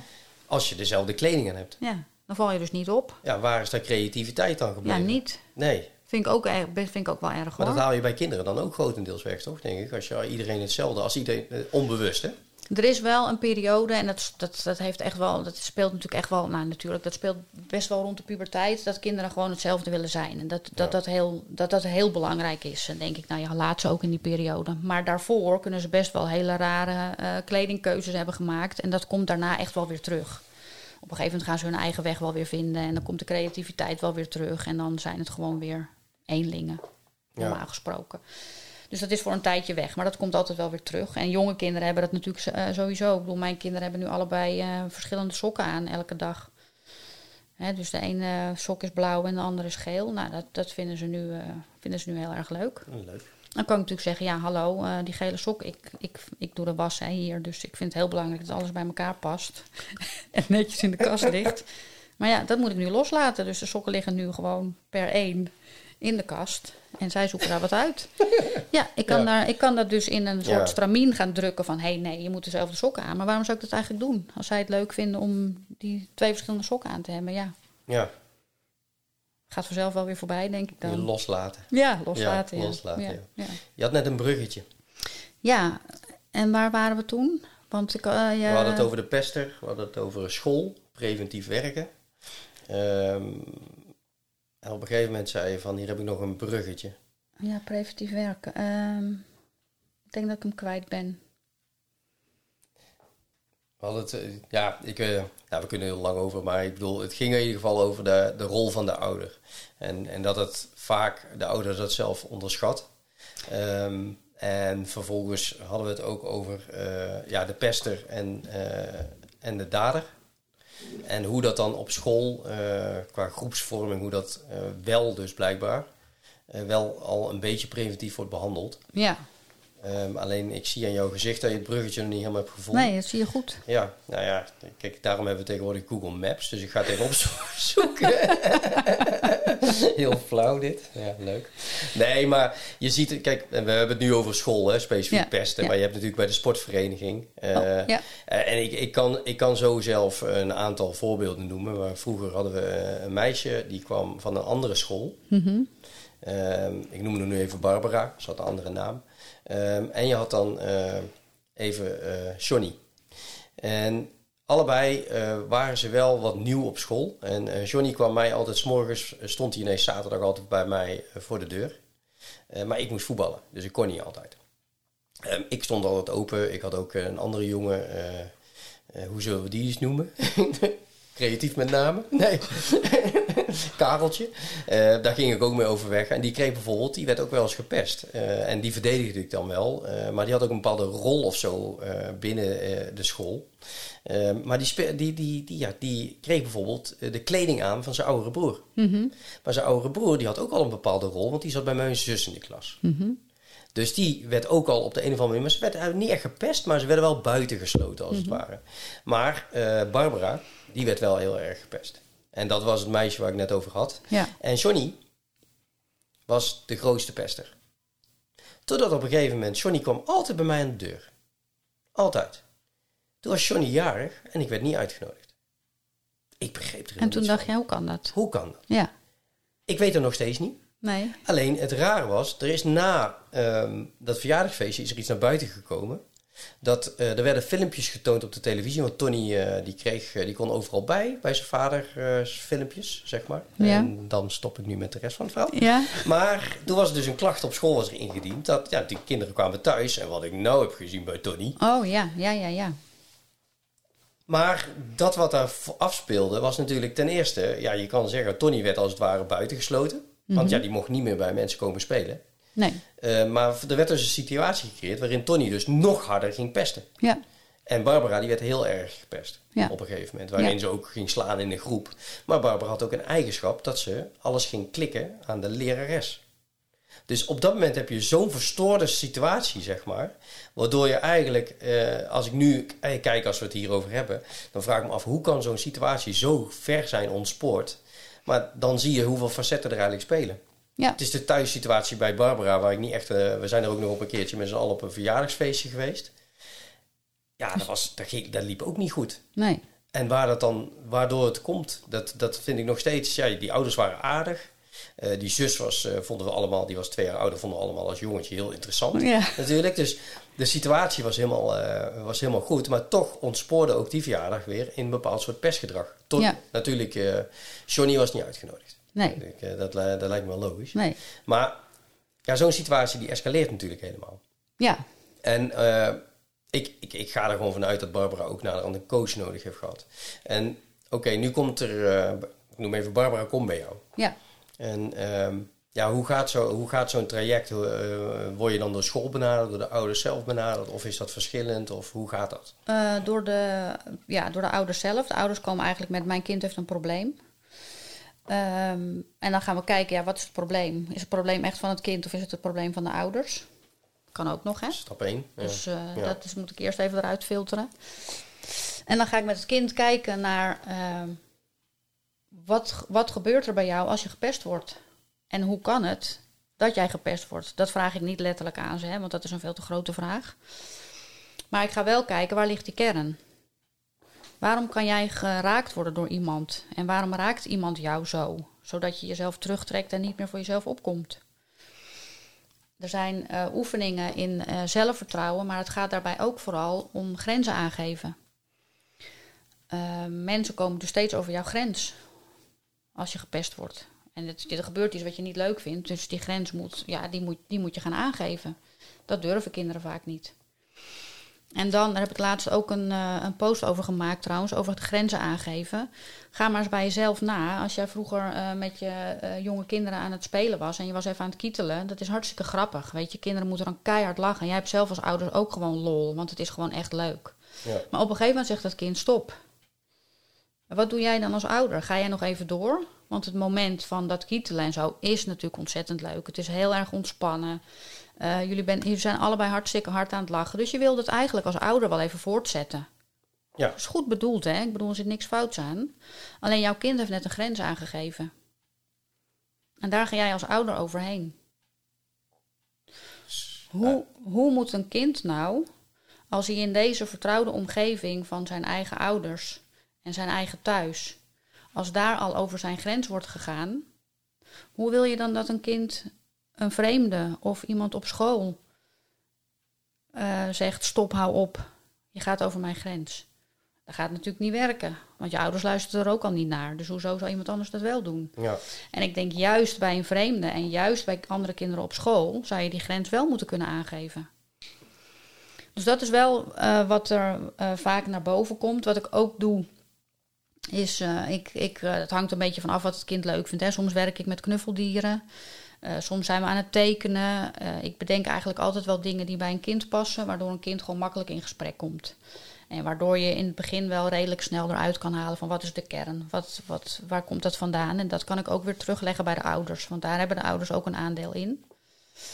En bij jongens die van voetbal houden, ja, dan pak ik een bal en ik leg een cirkel op de grond. Ik zeg, nou, ga er maar in staan, dit is je grens. En deze bal staat voor de kinderen die jou pesten. En dan rol ik die bal in die cirkel en dan pakken ze hem op. En dan vraag ik, ehm, wat, eh, wat heb je nou gedaan? Ja, eh, jij rolde die bal erin, dus ik heb hem opgepakt. Ik zeg maar, weet je nog waar, dat, waar die bal voor stond? Ja, die, die staat voor die kinderen die mij pesten. Ik zeg, en wat deed je dan? Ja, ik, ja, nee, ik, ik, ik dacht, ja, misschien moet ik hem oppakken. Ik zeg, en wat als je hem nou niet had opgepakt, wat gebeurde er dan? Ja, dan was hij gewoon door de cirkel heen gerold naar de andere kant van de kamer. En dan zeg ik, en dat wilde je niet. En dan denken ze wel van, oh ja, ik kan natuurlijk ook, als, zo, ja, als iemand zo naar me toe komt, ik kan het ook voorbij laten gaan. Dus als het, op een, als het op, in zo'n één op één situatie is, kan dat makkelijk. Hè? Dan kan je iemand negeren Ja. op school. Ja. Als het een hele groep is, wordt het, wordt het lastiger. Maar dit zijn wel de beginselen waarvan een kind ook denkt: oh ja, wacht even, ik heb zelf ook wel. Ik, ik, ik doe er dus wel iets mee.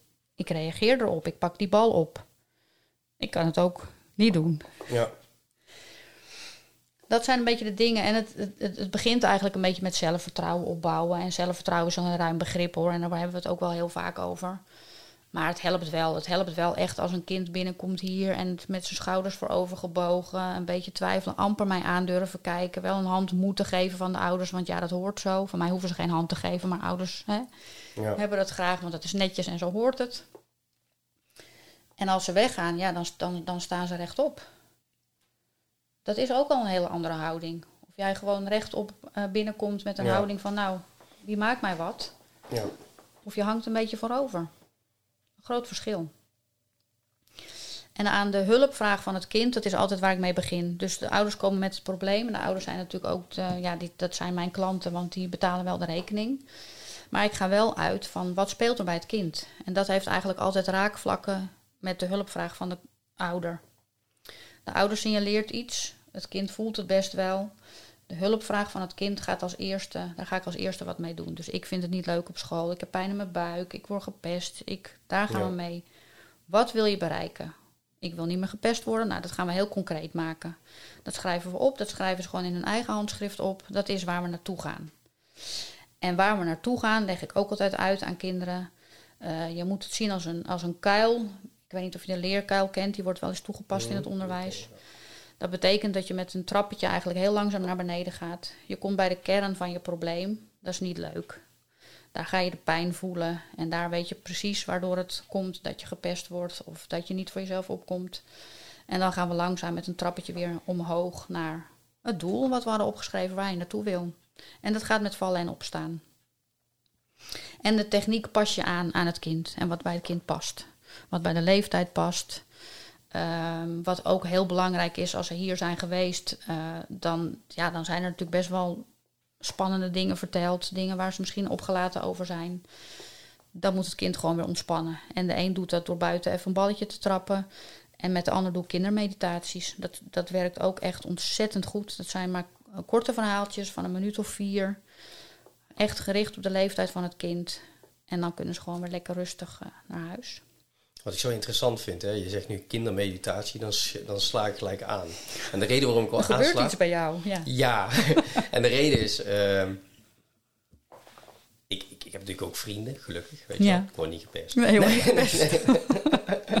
Nee, maar ehm, vaak als je eh, het hebt over meditatie, ehm, over eh, het zijn, zeg maar, wordt dat als heel snel weggewoven van, eh, weet je wel? Zweverig of zo. Heb je dat erbij? Ja. Ja. ja. Ja, ja, en dat wordt ook zo neergezet. Hè? Ik bedoel, eh, ik, ik ben zelf natuurlijk ook daarmee bezig geweest, omdat hoe krijg je nou rust in je hoofd? Hè?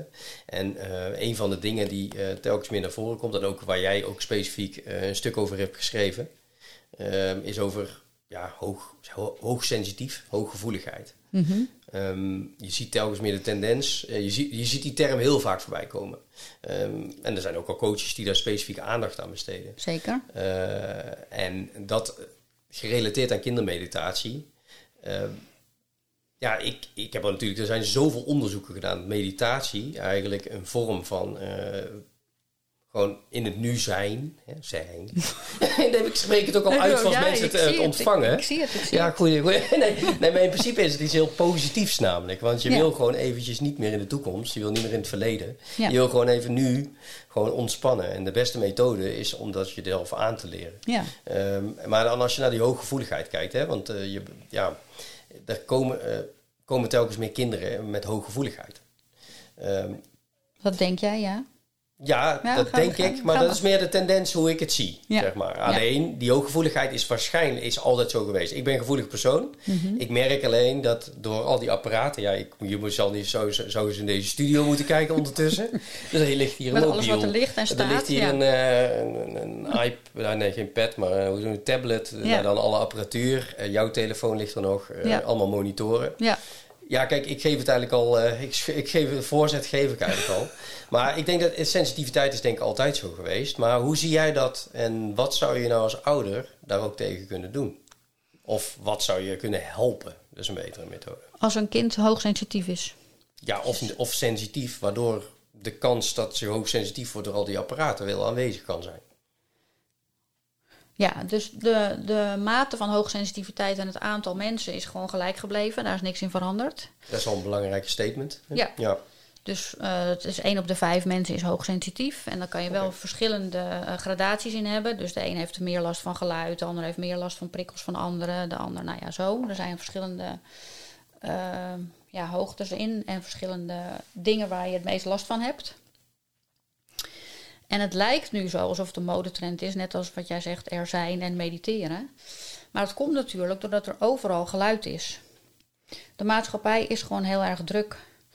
Een kind wordt uit school gehaald. Moeder heeft het eten nog niet klaar. Trouwens, het kan ook een vader zijn, sorry. Een van de ouders heeft het eten nog niet klaar. We gaan nog even naar Albert Heijn, huppakee. Ja.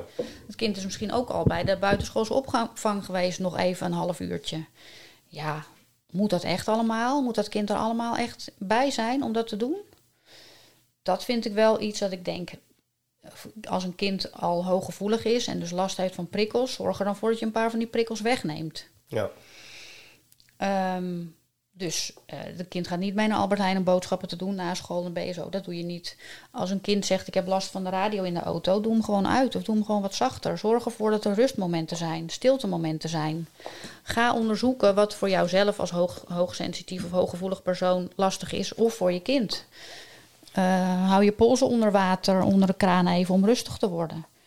Maar hoe verander je ook? Want eh, hoogsensitief wordt door veel mensen als negatief ervaren. Ja, En ik denk dat daar een beetje ook de essentie ligt. Want als ouder zijnde, ja, jouw kind, ja, sorry. eh, ja.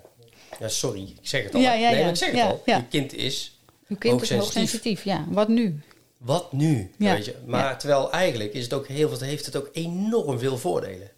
Ja, het heeft heel veel voordelen. Kinderen die, eh, nou, eh, volwassenen ook trouwens, die hoogsensitief zijn, kunnen heel goed eh, focus houden, kunnen heel, zich heel goed concentreren, zijn vaak heel erg creatief, kunnen bij andere mensen wel naar boven halen wat er speelt, kunnen sfeer echt heel goed aanvoelen binnen, in- op een verjaardag of ergens anders, binnen school, binnen groepen. Ja, ja er zijn nog heel veel voor, Ja, voordelen te noemen.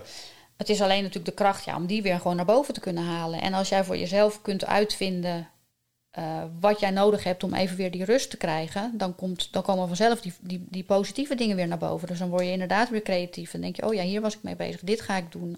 Dit vond ik eigenlijk allemaal leuk. En meditatie, ben ik met je eens, klinkt heel erg zwaar. En ik had daar eh, een aantal jaar geleden, dacht ik ook, oh ja, dan moet ik zeker een kleermaker zitten in een witte jurk gaan zitten, midden in, de, midden in het bos het Nou ja. liefst. Ja, En eh, nou, dat, dat heb ik helemaal losgelaten. Het is voor mij nu echt een, een bewustzijn gewor- eh, geworden. Eh, ik doe het niet dagelijks, maar wel regelmatig. En voor kinderen, dat is ook een vraag die je net stelde: van wat kunnen ouders doen? En dan gaat het ook over pesten en onrustige kinderen, niet kunnen slapen. Als zij s'avonds gewoon een meditatie voorlezen, want ik geef ze ook vaak gewoon eh, geprint mee aan de ouders, dan heb ik het laten horen aan de kinderen en dan zie ik wel of het, of het aanslaat of niet hè, en of ze het prettig vonden.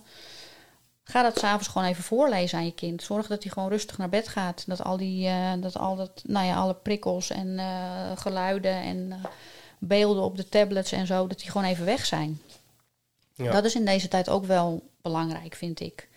Want Want het is heel veel hup. Je doet even je koptelefoon op, je gaat muziek luisteren of je zit een spelletje te doen, je zit te gamen, je kijkt tv. Eigenlijk moet je dat niet doen eh, tot een half uur voordat je gaat slapen. Misschien wel een uur, maar goed, dat is denk ik een beetje irreëel in deze tijd. En niet, eh, niet, eh, niet haalbaar. Ja, is het niet haalbaar? Nee, het is niet haalbaar, denk ik. Denk jij wel? Ik denk dat het wel haalbaar zou kunnen zijn. Ik denk alleen niet mogelijk meer. Ja. Nou, je moet wel, het is natuurlijk ook, en dat merk ik zelf, ik ben zelf natuurlijk echt absoluut geen heilige. En je, je zou mijn kinderen eens moeten interviewen, maar die zouden ongetwijfeld zeggen dat ik heel weinig geduld heb. En dat klopt ook. En het is als ouder natuurlijk ook af en toe gewoon makkelijk. Als je kind even op zijn tablet zit of even naar de tv kijkt, ja, dan heb jij gewoon even eh, tijd voor jezelf. En, ja. En zeker op dit moment, eh, zoals die ochtenden, weet je wel, om gehaast naar je school te gaan en naar je werk te gaan. Maar ook de middagen, als je terugkomt van je werk, dan zit je eigenlijk nog in je rol van medewerker. ja. En dan ben je misschien gestrest, want je moet een deadline halen of je hebt nog iets in je hoofd. Nou, als jij die stress naar, eh, naar huis meeneemt, dan zijn jouw kinderen heel erg stom die dag. Dat zijn ze helemaal niet, maar jij hebt gewoon druk in je Ja. hoofd. Dus jij moet die rol van, je, van jou als medewerker loslaten en binnenkomen als vader of als moeder. Dan kom je al heel anders binnen. Ja. Daarom is het ook niet zo heel slecht als mensen een lange reistijd hebben tussen werk en privé. Want je kunt je ook wel even lekker resetten. Je kan je werk gewoon echt nou ja, achter je laten, letterlijk ook. Ja, En je komt ja. veel ontspannender binnen. Sommige mensen die gaan eerst even een rondje lopen met de hond. Ik zeg ook echt regelmatig tegen mijn kinderen van ja, nu nog even niet. Ik ben nu nog te druk hiermee. Straks kom ik naar je toe. Moet je niet altijd doen natuurlijk, want dan is het moment misschien ook weg. Maar goed, Ja. ik benoem het wel. Ik benoem zelf ook, ik heb hier nu geen geduld voor. Ja. Dus dat is ook een bepaalde openheid. Eh, ja, als wij eh, met gezinnen komt wel eens voor dat we smiddags een verjaardag hebben en s'avonds ook nog wat. Ja, als die kinderen 's ochtends dan heel erg druk zijn hier, dan heb ik echt een hele zware dag. En dat wil niet zeggen dat ik geen zin heb in die verjaardag en het uitje s'avonds, Ja. maar dan wordt het wel heel veel. Ja. Dus ik moet voor mezelf dan eh, iets vinden waardoor ik 's ochtends de kinderen bijvoorbeeld niet hoor. Dus ik neem voor mezelf een moment. Ik ga douchen en aankleden als iedereen nog slaapt. Ja, dat lijkt heel eh, zielig. Maar dat is het voor mij echt helemaal niet. Want ik kan dat uur gewoon rustig opstarten. En dan doe ik dus ook wel eens een meditatie. En dat is een meditatie van, goh, wat zijn je doelen van vandaag? Wat ga je allemaal halen? Nou, dan, dan begin ik mijn dag echt wel anders dan wanneer ik... eh, mama, heb jij eh, de zeep nog? Of mama, wie, moet, wie, wie, wie poetst mijn tanden vandaag? Breng jij me naar zo? Mama, er liggen nog geen kleren klaar. Ik noem maar wat. Ja, ja, ja. Heel andere start. Beetje curling-achtig, hè? Ja. Wie poetst me, poetst mijn tanden? Nee, Jantje, nee, flauw. Nee. Heel flauw. Ja, nee. heel goed. Heel, Nee, ik snap. Nee, ik snap ik, ja. Ja, dus je moet voor jezelf de momenten zoeken om eh, rust te hebben. Ja. En dat is ook voor iedereen anders. Hè. Je een gaat buiten lopen en de ander vindt het fijn om eh, in zijn eentje even te douchen en aan te kleden. Ja, zo is het. ja. En dat zul je voor je kinderen ook moeten zoeken. En dat is eh, ja, eh, passen en meten. Dus bij de een werkt de meditatie, bij de ander werkt gewoon kleuren. Geef die kinderen eens gewoon een stuk papier om op te tekenen. Kom op, haal die tablet eens weg. Ja, maar dit is eigenlijk, eh, dan, nu maak ik ook een bruggetje. En dan kom je al gelijk naar de maatschappij natuurlijk met al die apparaten. Ja, Want ja, kijk, op dit moment zitten we gewoon in een bepaalde periode waarin er gewoon heel veel gebeurt.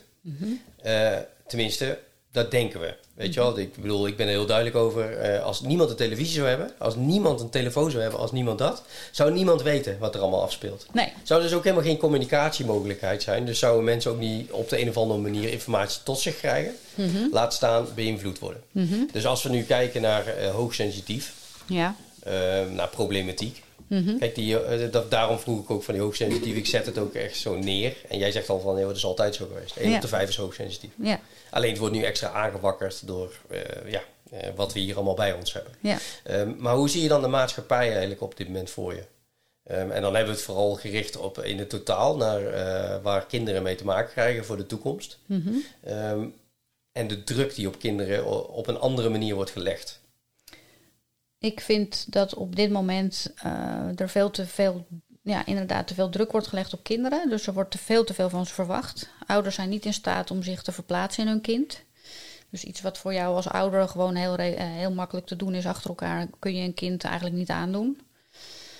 Eh, ik vind dat er heel veel ehm, kinderen alleen bezig zijn. Dus met een spelletje op hun telefoon, maar en minder buiten spelen. Terwijl ik denk, ja, kom op.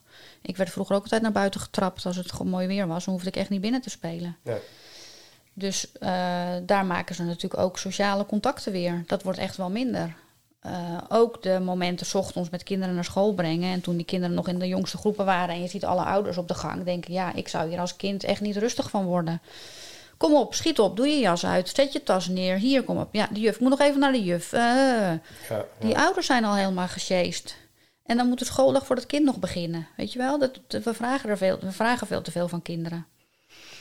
Eh, ik, ik, ik, eh, je hebt in Zweden, of nou in ieder geval eh, in een van de landen, Zweden heb je Zweden geloof ik, dat Finland je, ook. Finland, Ja. ja. Dat een van de twee ouders bijvoorbeeld een jaar lang verlof krijgt als het eerste kind Ja. geboren wordt, of als een kind geboren wordt. Ja, dat vind ik echt een sublieme uitvinding. Geef, neem gewoon even de tijd om er gewoon te zijn als dat kind er is. Niet na drie maanden of vier maanden hup weer aan de bak en eh, weer in die red race van het werk. Ja, Aan de andere kant zie ik ook dat het heel fijn is om naast moeder te zijn ook nog gewoon iets anders te doen. Om niet alleen maar mama te zijn, maar ook gewoon Bianca te blijven met een bepaald doel wat je wil nastreven of iets wat je wil doen. En daar, ik vind dat daar ergens een middenweg in gezocht moet worden. Als, je het echt heel, eh, als ik het echt heel zwart-wit, wat van jou niet mag, maar ik doe het toch, zou, zeggen, zou moeten zeggen. Dan zou ik zeggen, eh een van de twee ouders moet eigenlijk gewoon thuis zijn. Het maakt niet uit of dat de vader of de moeder is. En dan eh, krijg je natuurlijk de vraag: ja, maar hoe moet ik mijn hypotheek dan betalen? Nou, oké, dus het, het is niet morgen gerealiseerd, echt niet. Maar ik denk wel, we kunnen echt best wel met iets minder.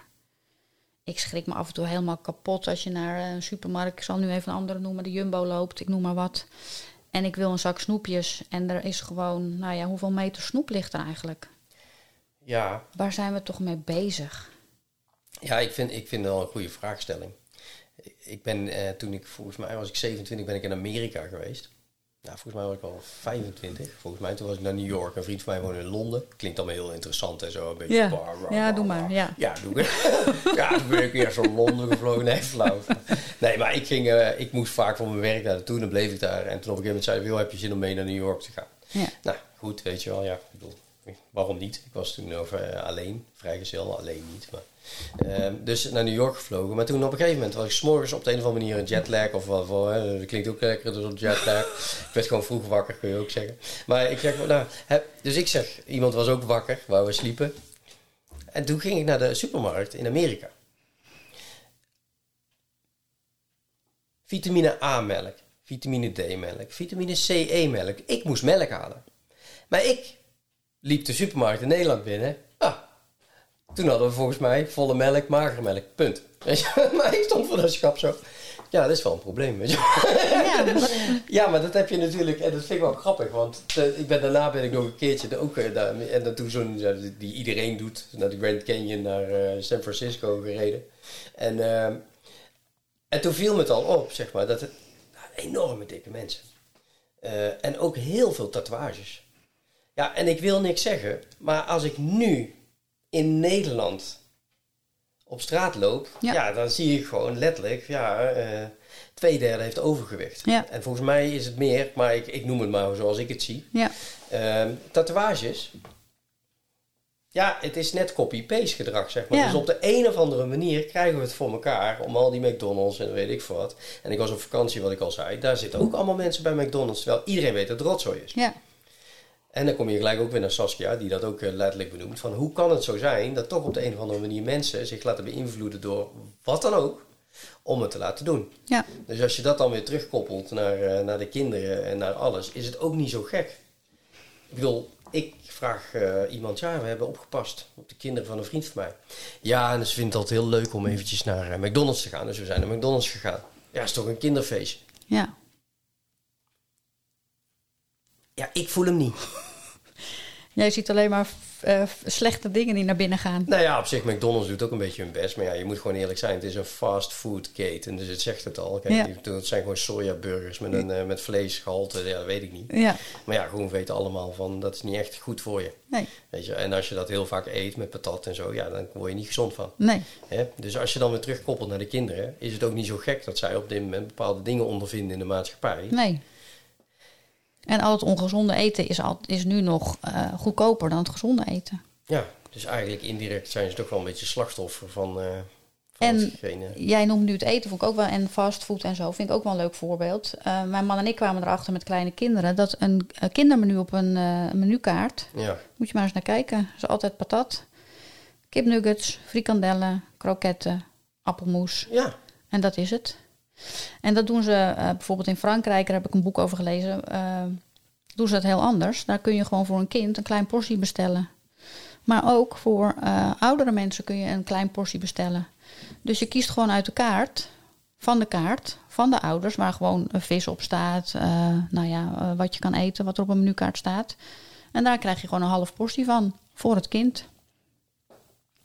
Makkelijk toch? Ja, maar zo makkelijk is het eigenlijk ook wel. Ik denk eh, dat je net een nieuwe keten hebt gestart. Iedereen die het luistert, van, nou, weet je wel, dat is een goeie. nee, maar het is wel, het, het is, het is frappant. Ja, hè? Ja, Dus we worden heel veel eh, eh, attent gemaakt op slecht eten eigenlijk. En we denken dan dat het normaal is. ja, maar ik denk ook wel, en dat ben ik me wel bewust. Hoe vaak heb je wel iets niet gekocht? Maar je denkt van, wat heb je nou gekocht? Dat je het eigenlijk niet nodig had. Ja, Ja. en ik heb daar veel minder last van. En de reden is echt, en daar ben ik echt van bewust, ik kijk al heel lang geen televisie meer. Geen reclames, ik zet ze uit, weet je wel. Ik, ik, ik luister ook geen radio meer. Omdat het allemaal meningen zijn die ik hoor, waar ik het wel of niet mee eens ben, maar ik hoef het niet te weten. Nee. Nou, of je hoeft niet overal zelf een mening van te hebben. Over Dat te ook hebben. al, en dat, ja. dat is bij mij wel lastig. Maar ik, ja, ik weet, dat heb ik nogal snel. Ja. En, eh, en, en, en, en, ook nog vaker dat ik ook wil dat iedereen die heeft. Eh, dus ik, wil, ik vind het ook heel prettig dat alle kinderen tegenwoordig dezelfde kleding aan hebben. En denk van, dat is in ieder geval duidelijk. weet je. Dat is een kind, klaar. Nee, maar het is wel een beetje hoe ik het zie. Kijk, ik was, eh, ik was in Portugal dan. En eh, ik blijf maar doorgaan met landen. En eh, daar had je kinderen, die hebben ook daar allemaal uniform aan. In Engeland ook, loopt Ja. iedereen in uniform. Ja. Ehm, ik ben naar een beurs geweest voor mijn werk en iedereen moest een stropdas. Ik had al, ik maakte me dus druk. Ik moet een stropdas strikken. Dan moet ik eigenlijk aan iemand gaan vragen, want dat heb ik heel lang niet gedaan. Nou, de simpelste strikken is echt heel makkelijk, dus is me wel gelukt. Maar het feit is weer dat je allemaal hetzelfde eruit moet zien. Dus je moet een bepaalde uniformiteit eh, moet je uitstralen. Ja. Maar ik denk van, oké, als volwassen, eh, ik heb de keuze. Ik had ook nee kunnen zeggen. Dus laat even duidelijk zijn. Maar voor kinderen denk ik wel dat je op een bepaalde manier eh, daardoor ook gevormd wordt. Ik, ik denk niet dat het gezond is. Ik denk dus bijvoorbeeld die gekleurde sokken van jouw kinderen, dat is eigenlijk positief. Ja. Kies gewoon wat je wil. Ja. Alleen als iedereen weer gekleurde, eh, verschillende sokken aan heeft, is het weer een keuze. Dus dat vind ik wel interessant, zeg maar, in de Ja. maatschappij. Nee, is het je kan er heel veel klachten over hebben, maar ik denk dat uiteindelijk, denk ik gewoon, eh, wat jij net ook benoemt, je, je moet zelf je beslissingen nemen op basis van hetgene wat je weet en wat je wil. En dat jij net zo refereerde dat je in een supermarkt komt waar veel te veel ligt. Ja, dat vind ik wel belangrijk. Dat Ja. kinderen dat ook, eh, wat wij hebben allemaal. Ja. Dat is echt en waar veel, we mee hoor. doorgaan. Ja, en we, we voelen het allemaal. Ja. En dan zijn er die eh, eh, winkels met eh, hele goedkope producten. Waar kinderen dus van hun eh, eh, opa's en oma's, ooms en tantes... oh, neem maar wat mee hoor, want het is toch heel goedkoop. Ja. Er is een overvloed. Ja. Ja, toch? Nee, maar dat, dat is ook zo. Ja. En ik denk, eh, en dat, ja, dat is ook een beetje, En prikkels, dus ja, batterijen. veel. Ja. Ja.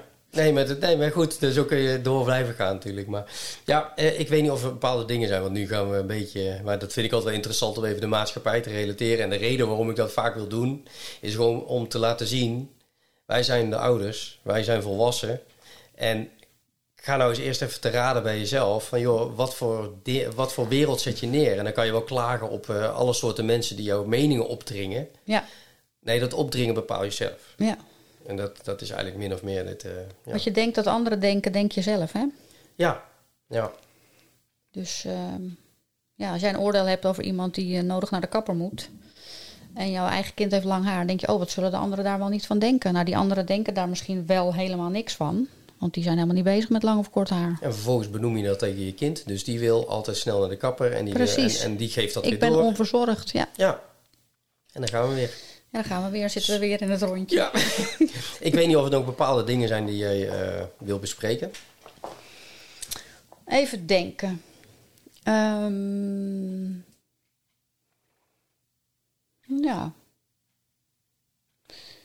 We hebben het, nee, we hebben het wel over heel veel dingen gehad. Ik vind wel, wat ik, wat ik zelf wel heel belangrijk vind, maar dat gaf ik ook al aan in, ehm, in wanneer een coachtraject voor mij geslaagd is. Ik vind dat het opvoeden van kinderen eh, minstens voor de helft bestaat uit het opvoeden van jezelf. Ja. En dat je dus als ouder moet kijken naar wat leg jij neer bij je kinderen? Waar kom jij vandaan? Wat zijn de struggles voor jou in je leven? Ga ze gewoon aanpakken, gaan ze aan. Helen, Helen, zoals we mooi zeggen. Ja. Dat is ook zweverig hoor. Ja, dat is tegenwoordig ook een term. Ja, goed. Ja. Ja. Helen. Je spreekt ook al op een bepaalde manier uit. hè? Helen. Ja. Ik ben ook eerlijk. Weet je wel, ik heb ook eh, delen van mezelf moeten helen, zeg maar. Waar ik niet mee eens was wa- dat ik zo ben. En dingen Ja. deed dat ik dacht van, jezus man. ja. Weet je wel, puur om aandacht te krijgen of zo. ja. Eh, ja. Komt ook ergens vandaan. ja, daar is deze podcast uit voorgekomen. Ja. Nee, nee flauw. Nee, maar ook. Nee, maar maar het is, het- ja, nee, maar nee. en dat, en dat, dat komt denk ik wel op een bepaald moment. Op een bepaalde leeftijd ga je dat toch zoeken, denk ik. Dat vond ik ook wel met dat ik die coachopleiding ging doen en Ja. het ro- roer om ging gooien. Was ik ook eigenlijk een beetje bang dat ik mijn man een beetje kwijt zou raken. Hè? Want eh, ik, het is ook wel belangrijk dat je zelf, dat je allebei ontwikkelt eigenlijk. En als je elkaar dan ergens eh, eh, verliest, vind ik, vond ik dat eigenlijk best wel eng. Dus ik heb toen ook NLP gedaan. Ik denk dat het is te kort tijd om dat helemaal toe te lichten. Maar ik dacht, dat is iets wat echt bij mijn man past. Om daar meer inzicht over te krijgen. En toen heeft hij een eh 17-daagse opleiding gedaan daarover. En dan vind je elkaar ook weer heel erg. En dan heb je allebei eigenlijk weer heel veel nieuw materiaal. En nieuwe dingen geleerd samen. Die je weer kan doorgeven nou ja, aan de volgende generatie. Maar ook waardoor je weer meer bij elkaar blijft. Dat vind Ja. ik ook mooie momenten. En als je het zelf hebt gedaan, kun je dat advies ook weer doorgeven aan je kinderen. Ja, Ja, want als je zelf allemaal andere dingen doet en vervolgens advies gaat geven, ja, dan kijken ze jou, ja, maar Ja. kijk naar jezelf. Ja. Ja, ja. Als jij het mooi weer speelt naar buiten, maar ondertussen thuis zit te mopperen, dat zien kinderen allemaal. Hè? Ja. Dan denken ze, oh, dus dat moet ik ook doen. Dus ik moet ook net doen alsof ik het leuk vind of zo. Ja. ja, Als je dat door wil geven. Ja, dat wil je niet. nee, toch? Nee. Nee. Nee, ik wil je eh, erg bedanken. Nou, En- dankjewel. Jij ook. Ik eh, wil nogmaals dat e-book. Ja, iedereen die dit luistert, joh, en je bent ouder. Ja, ook als je geen ouder bent. Dan zou ik het sowieso zou ik het, eh, opvragen. Ehm, ja, ik hoop eh, nogmaals dat scholen nog meer preventief eh, naar kinderen gaan kijken. En dus preventief lessen gaan invoeren. Eh, dus meer gebruik maken van bijvoorbeeld van weekcoaching.nl. Ja, zou ik ook leuk vinden. Ja, Ja. maar ja, nee, maar dat is wel zo. En dat, dat- vind ik ook bij EQFit. Dat vond ik ook en bij dit ook. Er zijn zoveel mensen die willen helpen. Ja. En natuurlijk, eh, weet je wel, er worden zoveel subsidies aangevraagd die niet nodig zijn. Vraag dan een subsidie aan wat essentieel is. Ja. Want als een kind dit eh, leert qua communicatie, hoe de wereld in elkaar zit en ouders daar ook een onderdeel van kunnen zijn, Ja. dan denk ik van, eh, dan, dan, dan kunnen we al die polarisatie en zo kunnen we makkelijk recht trekken. Ik denk dat het helemaal niet zo moeilijk is. Denk maar aan de puppycursus hè, waar we het over hadden. Ja, ja. Dus in het voorgesprek eigenlijk. Als je een hond neemt, dan eh, vindt iedereen normaal dat je op puppycursus gaat. Maar als je een kind krijgt, ja, ja. ga naar het consultatiebureau, wordt gewogen en gemeten. En dat is het wel. Ja, en je hebt ook al leren puffen, dus dan kun je net zo goed Ja. kun je ook al een eerste keer. Nee, Ja, maar dan- ja, kun je een uur zo. les krijgen. Van joh, wat houdt het nou allemaal in? Eigenlijk moet iedereen gewoon mijn e-book krijgen die je kinderen krijgt. Als start. Ja, dan moet je alleen de naam veranderen. Ja, Nee, maar nou ja, ik vind het, ik vind het niet zo'n gek idee. Maar eh, nogmaals bedankt. ja dankjewel. Jij ook. Bedankt voor... eh, Ehm, ja, wij zijn allemaal te volgen op Spotify, Deezer, eh, Google Podcast, Apple Podcast. Je wordt overal eh, op een bepaalde, met bepaalde voorwaarden word je opgezet. Dus daar kun je op wel luisteren. We zijn op dit moment ook bezig met een website, een nieuwe website. En ja, we willen ook graag eh, die e-book, eh, bijvoorbeeld dit e-book en ook andere e-books van de coach die we eh, een podcast hebben gedaan, willen we daar ook op gaan zetten, zodat mensen ook makkelijk toegang krijgen tot de informatie. Hè? Dus heb je een eetprobleem, Saskia de Ridder, nou, wil je op de juiste manier leren communiceren met je kinderen en ook willen identificeren of ze gepest worden of juist pesten, nou, dan kun je bijvoorbeeld dit e-book dadelijk makkelijk krijgen. Dankjewel en tot de volgende keer.